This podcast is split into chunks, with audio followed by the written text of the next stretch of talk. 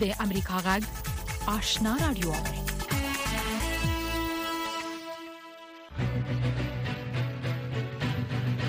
السلام علیکم درنو اوریدونکو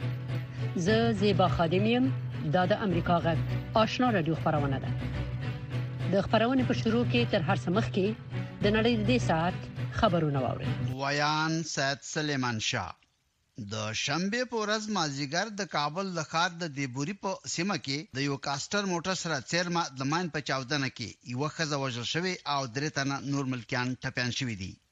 د طالبانو حکومت وایي چې له قطر او ترکیې سره د افغانستان د پنځو نړیوالو هوایي میدانونو د چارو د انسجام او مدیریت په باب خبرې له ځنډ سره مخامخ شوې دي. د افغانستان د پخواني حکومت د سولې د عالي شورا رئیس عبدالله عبدالله قدرت ته د طالبانو له رسېدو وروسته د لومړي ځل لپاره پرون د شنبې په ورځ د غوایي په لسمه خارج ته روان شو، خو څرګنده نه ده چې کوم هېواد ته ولاړ.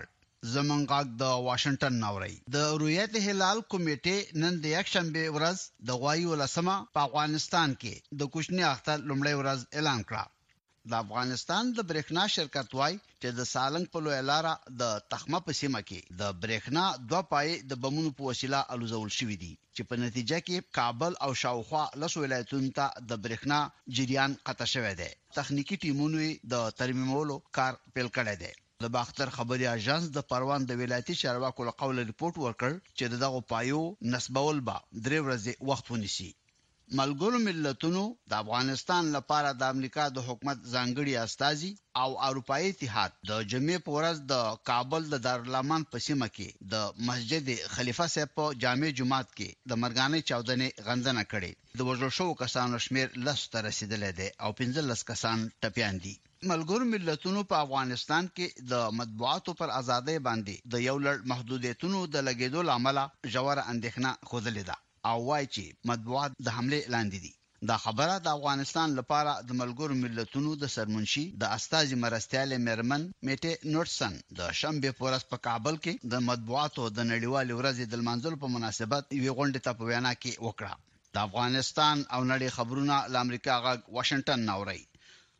په داسې حال کې چې د طالبانو حکومت له ازبکستان نه غوښتي دي هغه ګڼ شمېر نظامي هلیکوپترې او ټرانسپورټي الوتکې دې بېرته ورته حواله کړي چې تېر کال د پخواني حکومت د له سقوط نه وروسته پیلوټانو د تېښتې په وخت هغه هېواد ته ایستلې وې. د ازبکستان چارواکو لا په دې ارتباط خپله امادګي نه ده ښودلې. د معزول شوي حکومت د جمهوري ریاست لومړي مرستیال امرالله صالح د ازبکستان د پرېکړې هرکلی کړی. د اسلامي همکاریو د کانفرنس یا OIC دارالانشاء په یوه مطبوعاتي بیانیه کې د کابل د دارالامان په سیمه کې د مرګانۍ حملې غندنه کړې ده او وایي چې دا ډول حملې په افغانستان کې د امنیتي وضعیت بې ثباتي منعکس کوي. د بهرنیو چارو د وزارت سرپرست ملا عامر خان متقي او د اطلاعاتو او کلتور وزیر ملا خیرالله خیرخواه د غويي په نهمه په دوحه کې د قطر د دولت د پراختیا او کورنۍ د چارو له وزیرې مریم ال مسنت سره ملاقات وکړ. ښاغلي متقي نوموړې ته افغانستان ته د سفر کولو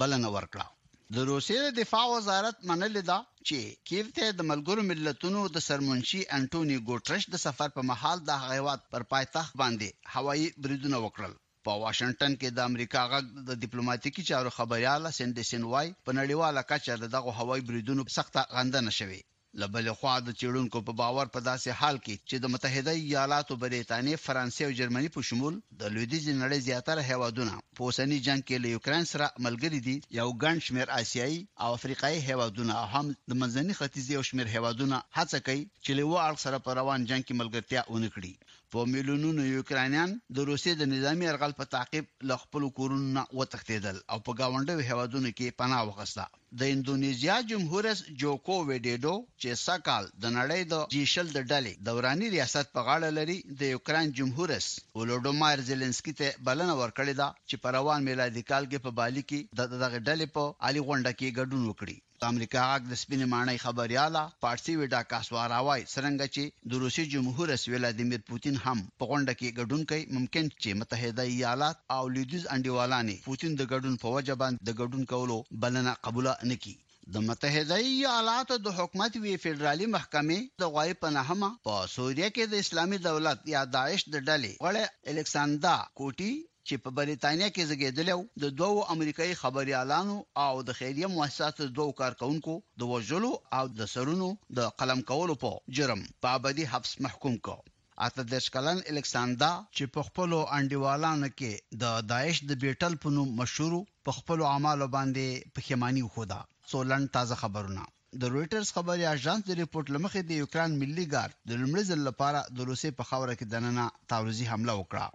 د نیوزویک انلاین مجله رپوټ ورکوي چې روسیې یوکراین ته د متحده ایالاتو له خوا د تخریبي وسلو د استولو پر خلاف خبرداری ورکړی. د یوپیايي خبري اژانس رپوټ ورکوي چې فنلنډ او سویډن لا تر دې دمه د ناټو په تړون کې د شمولیت په باب وروستۍ پریکړه نه ده کړې. د ډیلی ډایجست ورځپاڼې د رپورټ لمخې د یوکراین پایتخت کیف سره نږدې د بوچا په ناحیه کې د روسي عسکرو د جنگي جرمونو په باب پلټونکو ته نوي شواهد په لاس ورغلي دي. په عین وخت کې د یوکراین د خارکیف له پرنفوسه ښار نه په سلهاوو کورنۍ تېښتې ته اړ شوې دي. د فرانسې خبري آژانس رپورټ ورکوي چې په یوکران کې د جنګ په دوران کې ناڅاپي سیلابونه راوتي دي. د ملګرو ملتونو د امنیت شورا په لیبیا کې د ملګرو ملتونو د ماموریت موده وغځوله او د نثار احمد عبدالرحیمزي په نوم د تیکواندو قهرمان چې تیر کال یوکراین ته ځان رسولی او دا وخت په سویټزرلند کې اوسیږي له امریکا غږ سره په یوې مرکې کې ویلي دي چمتو دی چې د تیکواندو په نړیواله لوبه کې د افغانستان په استازیتوب لوبه وکړي د خبرونو پای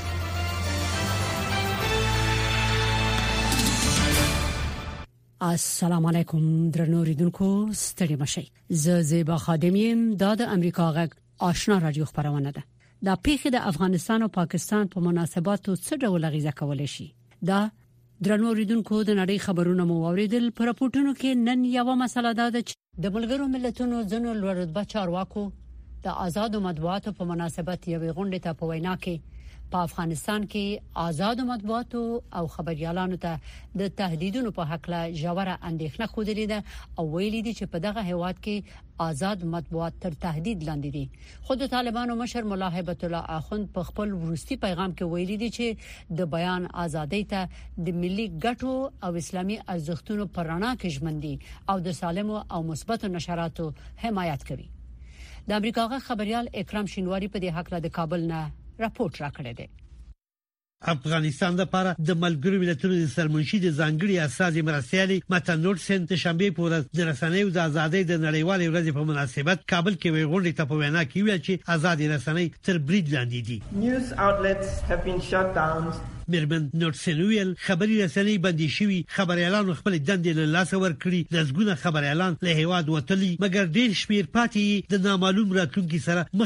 دي، هغوی چې لا هم په پوره ژمنتیا او کلکې ارادې سره کار کوي، په پرله پسې ډول تر وېرې او ډار لاندې ژوند کوي. Fear and Intimidation. د مۍ میاشتې درېیمه په نړۍ کې د رسنیو د ازادۍ د ورځې په توګه لمانځل کېږي. د کوچني اختر د روسختیو له امله افغانستان لپاره د ملګرو ملتونو مرستندویه پلاوي دفتر یوناما او د ملګرو ملتونو د علمي، تعلیمي او فرهنګي ادارې یونسکو دا ورځ نن د یو شمېر افغان خبریالانو سره یو ځای ولمانځله. مېرمن نوټ سره ویل چې د خپل سر نیولو او غیر انساني چلند راپورونه ویرونکي دي او تر ټولو دروند بار د ښځینه خبریالانو په اوږو دی. Dissenting views continue to be silenced. مېرمن نوټ سره ویل، مخالف نظرونه په دوامدار ډول غلي کېږي. په دې وروستیو کې سرپرستو چارواکو افغان رسنیو ته لارښوونه وکړه چې څلور تلویزیونونه د نړیوالو رسنیو خپرونې وځنډوي. کابل کې د وروستیو بریدونو په پایله کې دوی د پېښو له ځای او روغتونونو څخه د خبریالانو د راپور ورکولو مخه ونیوه. چې دا یې ستونزمنه کړه چې معلومه شي چې په واقعي توګه څه پېښ شوي او د بریدونو د زیان کچه څومره ده.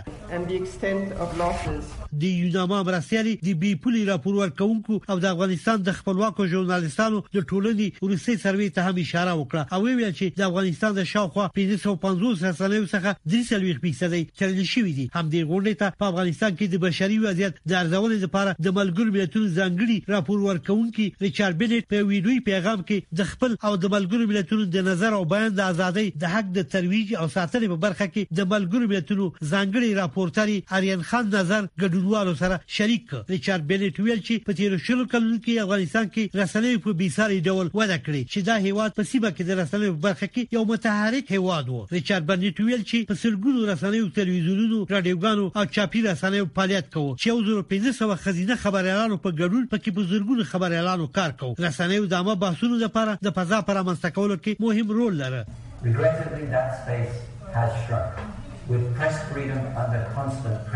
ښاغلي برنیټ وویل، په خواشینۍ سره دغه فضا تنګه شوې ده او د رسنیو ازادي په دوامدار ډول تر برید لاندې ده، په لسګونو خبریالان زنداني شوي، فزیکي بریدونه پرې شوي، ډارول شوي او ناسم چلند ورسره شوی او په ځینو مواردو کې وژل شوي او تری تم شوي دي. د ملګرو ملتونو دغه چارواکي ویل چې په روسیې کې پر رسنیو باندې نوي محدودیتونه وضع شوي او معلومات ته لاسرسي د ننګونو سره مخ شوی ریچارډ بنټ ویل چې د تیر 2020 میلادي کال د اکتوبر د 15 مې وروسته په افغانستان کې 40% رسنۍ تړل شوي او 80% خزینه خبريالانو خپل کارونه د لاس ورکړي د ملګرو ملتونو د علمي تعلیمي او فرهنګي ادارې یونسکو استاذي هم د آزاد رسنیو پر اهمیت خبرې وکړي او د افغانستان د خبريالانو او رسنیو څخه ملاتړ څرګند کړ دې غونډې ته د افغان خبریالانو په استازیتوب د طلوع نیوز مشر خپلواک ساپي خبرې وکړې او له طالبانو، اسلامي امارت او نړیوالې ټولنې څخه یې د افغان خبریالانو غوښتنې مطرح کړې. ښاغلي ساپي د طالبانو د اسلامي امارت څخه د رسنیو د سرغړونو د ارزونې د کمیسیون د بېرته فعالېدو غوښتنه وکړه او هم یې د نړیوالې ټولنې څخه دننه افغانستان کې د شتو خبریالانو سره د اړیکو د ټینګولو او د هغوی خبرو ته د غوږ ایښودو غوښتنې وکړې. د طالبانو مشر ملا هیبت الله اخوند د کوچني اختر په مناسبت د بیان د ازادۍ په اړه په خپل پیغام کې ویلي چې دوی د بیان ازادۍ ته هم د ملي ګټو او هم اسلامي ارزښتونو پر اړه کې ژمن دي او د سالم او مثبتو نشراتو حمایت کوي ملا هیبت الله اخوند ویلي چې زموږ ټول نشراتي ارګانونه هغه کې امارتي دي او کازات باید د خپل ولس ګټې په نظر کې ولري او د خپل اسلامي متقداتو او مشروع رواجونو په نظر کې نیول سره مثبت او رغنده نشرات وکړي د افغانستان او نړۍ په اړه تازه خبرونه سیاسي تحولات او وړاندې څرګندې د پیښو کره کتنه او شاوره څرګندنه د امریکا غږ آشنا ټلویزیون د تازه خبرونو او جامع راپورونو موثقه منبع پر راپورټونو کې نن یو مسله دا ده چې طالبانو د قندهار په ولایت کې خبريال بسم الله وطندوس د یوې اونۍ بند نرسه خوشی کړی دی مګر یو بل شاعر او ژورنالیست خالد قادری د هرات په ولایت کې د تیرو لس ورځو رئیس اوسم په بند کې دی طالبانو تر اوسه پورې په دې حق لسنې دی ویلي پام دې وخت یو شمیر خبريالان او د خزو د حقوقو مبارزین چې په افغانستان کې د غواخونو لکبل پاکستان ته تللي په اسلام آباد کې په یوې اعتراضي غونډه کې په نړیوال ټولنې غږ کړی دی چې د افغانانو او ژورنالستانو د ژغورنې لپاره اقدام وکړي نور تفصیل ته ستاسو پام را اړوم له یوې اونۍ وروسته طالبانو په کندهار کې ژورنالیست بسم الله وطن دوست لبند آزاد کړ وطن دوست په کندهار کې د ملت غږ رادیو مسول دی او د دویم ځل چې طالبانو بندي کړی وو بلخوا لیکواله حمیرا قادری وایي له تیرو لس ورځو راهیسې طالبانو ورور خالد قادری چې شاعر او خبريالو په هرات کې بندي کړی دی طالبان تر اوسه په دې اړه څه نه دی ویلي په ورته وخت کې یو شمېر ژورنالستان، مدني فعالین او د ښځو د حقونو فعالینې د جمهوري نظام له منځه تلو وروسته په وینا یې په افغانستان کې د تهدیدونو له کبله پاکستان ته تللي دي. وايي، افغانان له جدي ستونزو سره مخامخ دي. امروز خبرنگارای افغانستان با مشکلای جدی روبرو هستند حقیقتا وضع بد و نادرست در افغانستان باعث شده که افغانها برای داشتن یک زندگی بهتر و برای نجات جانشان از افغانستان بیرون شده و امروز در پاکستان دوی وايي چې له تېرو اتو میاشتو راهیسې په پاکستان کې اوسېږي او تر اوسه یې برخلیک معلوم نه دی. از هشت ماه به این طرف میشه که به پاکستان هستیم و متاسفانه همه خبرنگارانی که همسنگران ما هستن با ما یک جا کار کردن از هشت ماه به این طرف در پاکستان به سرنوشتی به سر میبرن و با مشکلات زیاد روبرو هستن ما موږ دې پر راټول شوی چې خپل غږ پورته کړو تر څو د زمون سرنوشت دلته معلوم شي او دا خلک چې دلته پراته دي او واقعا چې موږ فکر کوو دوی ډېر په سخت حالت کې دلته ژوندۍ کوي په دې روژې میاشت کې او اته میاشتې کې چې دوی دلته پاکستان کې ژوندۍ کوي متاسفانه دوی تر څو انتقال شوي نه دي له نړیوال ټولنې غواړي چې غږ واوري خواست ما از جامعه جهانی و نهادهای حامی خبرنگاران ای است که خبرنگارای افغانستان فراموش نکنند و هر قدر زودتر میشه باید به خاطر کیسای ازی و بیرون کردن ازی از افغانستان رسیدگی صورت په ورته وخت کې یو شمېر نور افغانان چې په دې ورستیو کې پاکستان ته تللي له تیر لس ورځو راهیسې د ملګرو ملتونو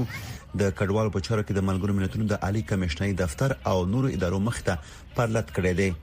امروز که ما به این تیم پیوستیم و توکنی که برای عرس یک دلخوشی ساده برای ما داده بودند پاره کردیم و بعد از این ما دیگه هیچ چیز نمیگیم فقط شعار ما که اینجا نوشته است جست کل است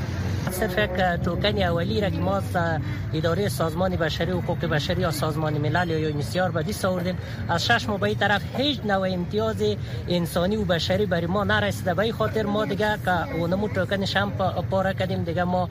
خاصی از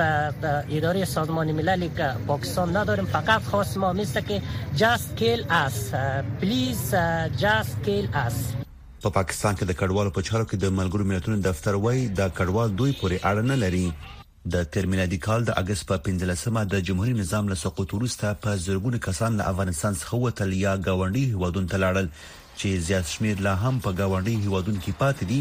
او دریم هېواد ته د تلو لپاره هڅې کوي. وحید فیضي، امریکا غږ، واشنګټن. انتظار پای ته ورسید ترنو لیدونکو او اوریدونکو تاسو کولی شئ د امریکا غټ ټلویزیونی او رادیوي خبرونه د یاسر ساتلایت له طریقه وګورئ او واورئ د نوي ساتلایت لارې تاسو د آشنا اتصال او کاروان ټلویزیونی خبرونه کتلای هم شئ د امریکا غږ د افغانستان څنګه خبرونه په 398 چنل او د آشنا رادیوي خبرونه په 390 چینل کې اوریدلای شئ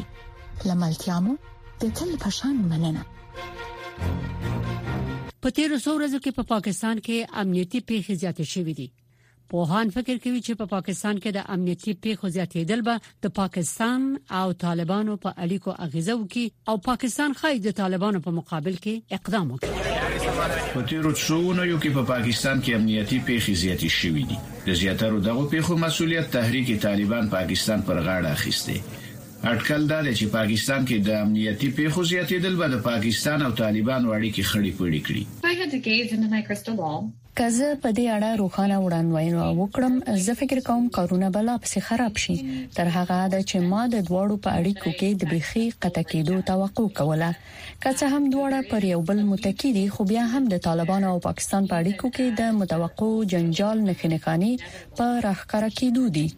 باور دا دی چې په پاکستان کې د امنیتي پېښو په زیاتېدو سره ښايي دغه هېواد د طالبانو پر وړاندې اقدام وکړي، خو دا اقدام به څه وي؟ نه زما خو داسې خیال دی، زما دا اندېښنه ده چې پاکستان خو دې شي ته لاره همواري چې دا آینده هم دا کار وکړي او داسې یو یو رواج جوړ کی دی شنه او آیا که طالبان هلته په واک کې وي او کنه وي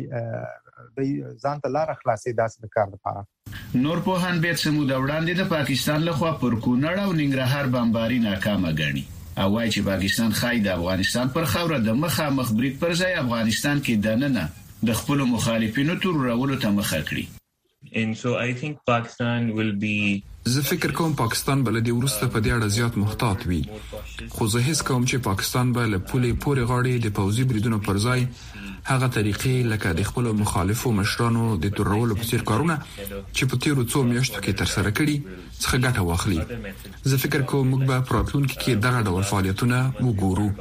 خو یو شمېر نور پوهان بیا د پاکستان او طالبانو د اړیکو مخینې او د دوی یو بل ته اړتیا ته په کتلو سره وايي چې پاکستان به له طالبانو سره ټولې کښتۍ ونه سوځوي.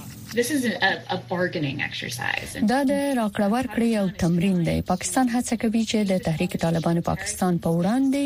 اقدام ته د طالبانو په مجبورولو کې له فشار او هم له مشوقاتو ګټه واخلي. داسې فکر کېږي چې پر طالبانو د پاکستان له خوا د فشار سره سره به طالبان د تحریک طالبان پاکستان سره خپلو اړیکو ته دوام ورکړي. زما خیال ده چې توان خو غالباً هغوی لري خو د هغوی مجبورتیا دوه مخیزه غونډه کې مجبورتیا ده، یو خو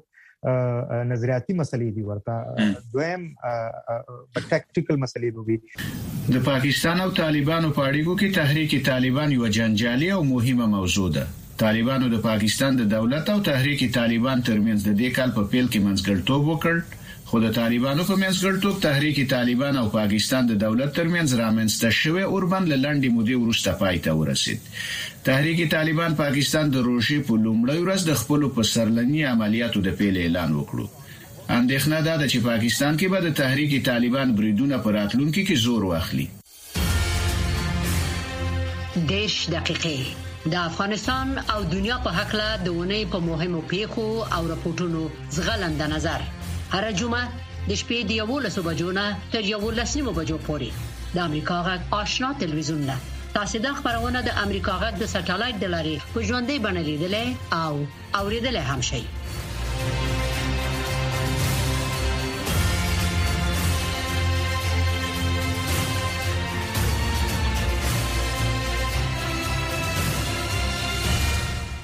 درنو اوریدونکو د 14مې میلادي پیړۍ راهیسې زیات شمیر چینایانو په خپل هیواد کې د نېستۍ او ډېری بدې ورځې له امله د خوري مزدوري او د نفقې د پیدا کولو په غرض جنوبي افریقا ته مخه کړې و او ځینې نورو د کاروبار او سوداګرۍ په نیت جنوبي افریقا ته سفرونه وکړل او هلته آباد شول او په قرار قرار یې د هغه هیواد تر ټولو غټه ټولنه جوړه کړه چې اوسنی نسل ته لا تر اوسه د خپل اجدادو د تاریخ سرګذشت خاطرې په یاد دي د جوهانسبورګ نه د امریکا غږ د خبريالې را لېګلې راپور زموږ همکار سید سلیمان شال ول د جوهانسبورګ د ښار د کمشنر د سړک په سر چې دغه ښار یو خطرناکه او پسمانده داخلي سیمه ګڼل کیږي په آزاد میدان کې د سوځول شوو فضله موادو د لوګیو لوخړې پاس فضا ته پورته کیږي او د کورونو د عمومي دروازو مخې ته هم بوی راځي. که لیدونکی په ځیر متوجه شي نو ګوري چې د دغه ښار په همدغه سیمه کې چینایي ساخت څو دنګې ودانۍ چې د پاګوډا په عنعنوي چینایي سټایل او طرز باندې جوړې شوې دي هم موجودې دي. د بامونو په سر یې د ښامارانو مجسمې جوړې شوې دي. یو شمېر چینایي دوکانونه هم لیدل کېږي چې په چینایي ژبه لیکل شوې زړې لوحې له ورایه جوتېږي. جنوبي افریقا ته د چینایي کډوالو د راتګ لړۍ چې په شپاړسمه میلادي پېړۍ کې پیل شوې وه، د اتلسمې میلادي پېړۍ په پیل کې په هغه افریقایي هېواد کې د سرو زرو او د غمو د کانونو د موندل کېدو له امله ګړندۍ شوه.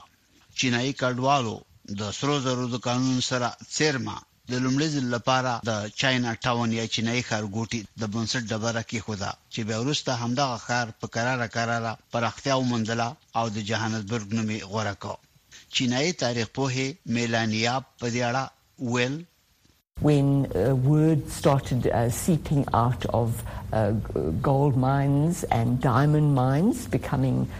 attractions and many people came out here in. کله چې دلته د سرو زرو د کانونو او د غمو د کانونو اوازې خبرې شوې، د نورو ملکونو د خلکو توجه یې راجلب کړه او ډېرو یې د دولت او پیسو په تلاش کې دې خوا ته مخه کړله. په چینایي ژبه د جانسبرګ مانا هم ګنسان یا د سرو زرو غر دی. خو نوموړې وايي چې چینایان په لومړي سر کې د ژوند په مختلفو برخو کې د تعصب او تنګ نظرۍ له مشکل سره مخامخ شو او دا هغه زمانه وه چې د نژادي برترۍ پر بنسټ د سپین پوستو د اپارتاید نظام لا په جنوبي افریقا کې قبضه نه وه قایمه کړې.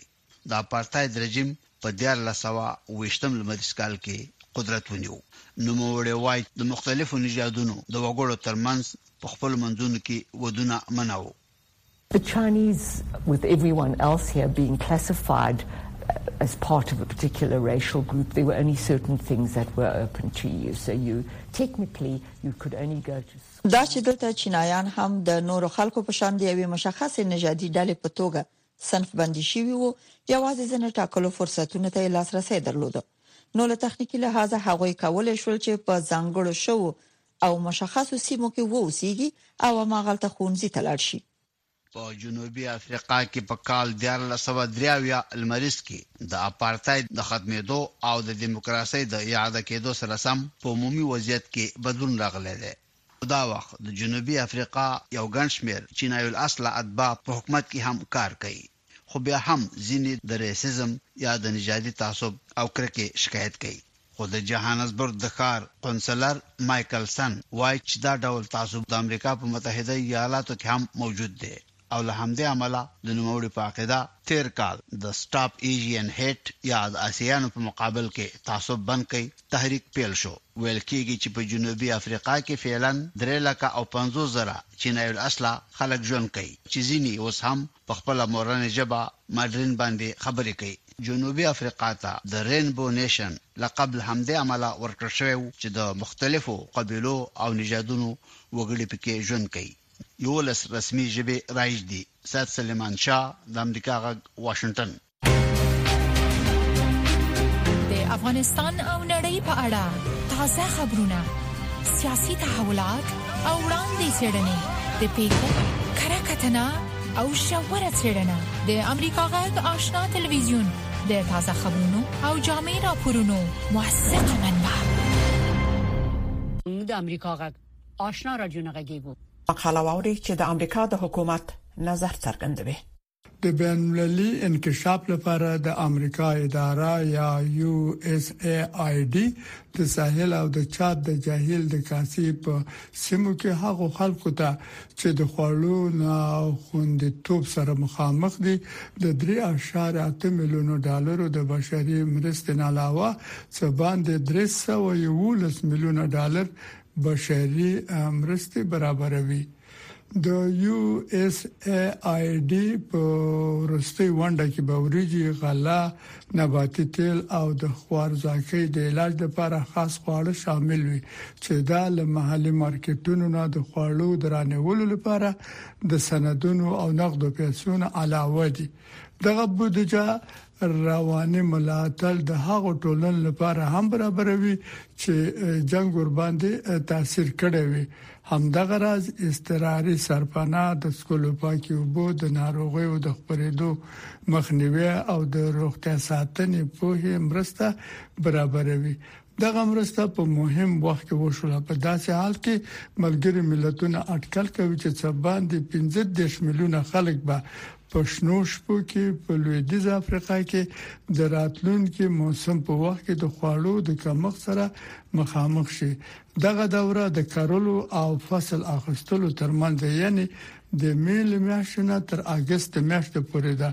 په نمونایي ډول په ټولو بزګرو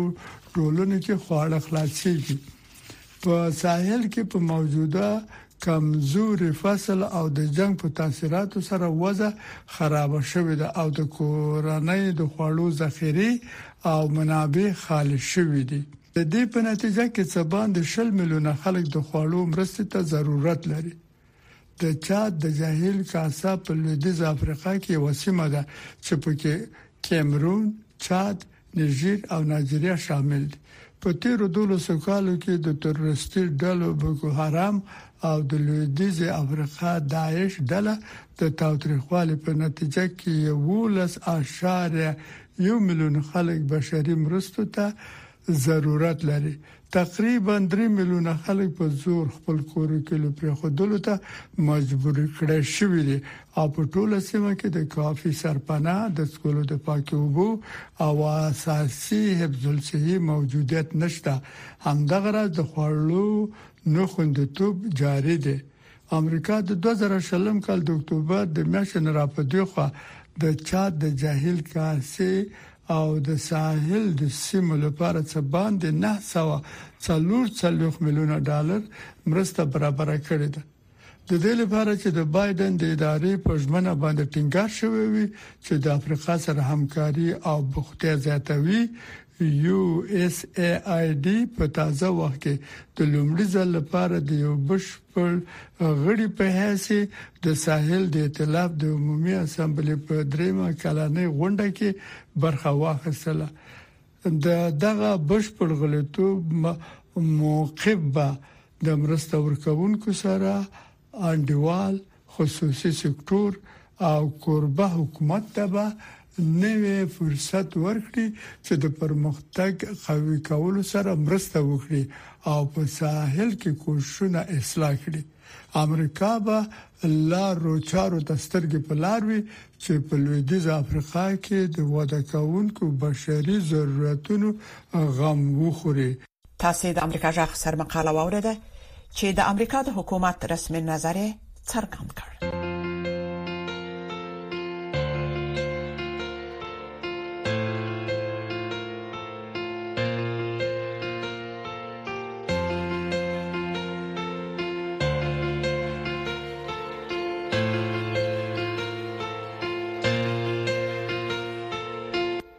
د آشنا رادیو درنو ریډونکو د خبرونه هم دلته پای ته ورسیده تر بل خبرونه تاسو په لور خلاص وارو اوس د امریکا غږ آشنا رادیو د ری خبرونه وارو